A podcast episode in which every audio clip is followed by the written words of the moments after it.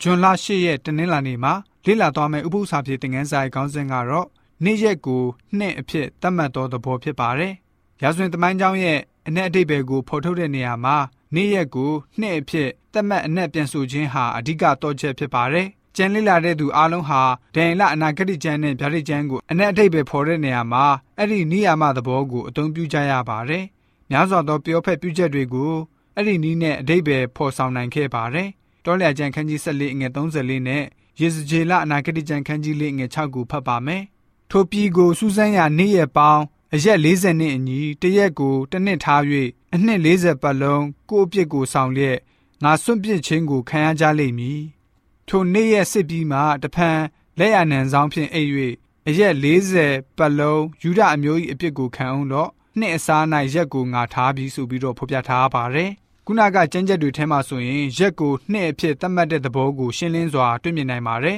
။သို့တော့ထားရှိထားတဲ့နိယာမသဘောကိုဆောင်ပြီးတော့ဒန်လအနာဂတိကျမ်းနဲ့ဗျာဒိတ်ကျမ်းမှာရှိတဲ့ပြောဖက်ဟောထားချက်တွေကနေရက်ကိုနှစ်အဖြစ်ထောက်ခံထားတဲ့အခြားအချက်လက်၃ခုကိုတွေ့ရပါတယ်။ ပုံဆောင်အသုံးပြုတာရှေ့လျားတဲ့အချိန်ကာလနဲ့အတိအကျဖော်ပြချက်တွေပဲဖြစ်ပါတယ်။ပထမအချက်ကတော့တားရဲနဲ့ဂျူတွေကိုဖော်ပြတဲ့နေရာမှာပုံဆောင်မှုသဘောတဘာဝကိုအကြောင်းပြုပြီးတော့ပေါ်ပေါက်လာတဲ့တိုင်းနိုင်ငံတွေအကြောင်းကိုဖော်ပြပုံဆောင်နားလည်စေပါတယ်။တားရဲတွေနဲ့ဥကြိုတွေလို့ဖော်ပြတဲ့နေရာမှာဓာတ်ရိုက်အတိတ်ပဲယူလို့မရပါဘူး။တစုံတရာကိုပုံဆောင်နေတဲ့အကြောင်းထင်ရှားပါတယ်။ဒီလိုကြောင့်ကြံတဲ့ပြောဖက်ပြုချက်တွေဟာလည်းပဲပြထားတဲ့အတိုင်းမဟုတ်ပဲပုံဆောင်ချက်ဖြစ်နေကြောင်းတေချာလာပါတယ်။ဒါကြောင့် ဖော်ပြထားတဲ့ပြောဖက်ပြုချိန်ကိုကျွန်တော်တို့ဖော်ပြတဲ့အချိန်အတိုင်းအတိအကျသတ်မှတ်လို့မရပါဘူး။ဒုတိယအချက်အနေနဲ့ကတော့အနာဂတ်ပြုထားတဲ့အကြောင်းအရာနဲ့တိုင်းနိုင်ငံတွေအကြောင်းတွေဟာရာစုနှစ်များစွာကိုရှည်လျားစွာဖျက်ဆီးခဲ့ရတဲ့အချိန်ကာလရှိပါတယ်။အကယ်၍သာပြောဖက်တွေဖော်ပြတဲ့ရက်အပိုင်းအခြားအတိုင်းအတီးယူမယ်ဆိုလို့ရှိရင်တော့ဘလို့မှဖြစ်နိုင်မှာမဟုတ်ပါဘူးရက်အစားနှစ်ကိုအသုံးပြုတဲ့နေရာမကိုသုံးပြီးတော့တွက်ချက်တဲ့အခါမှာ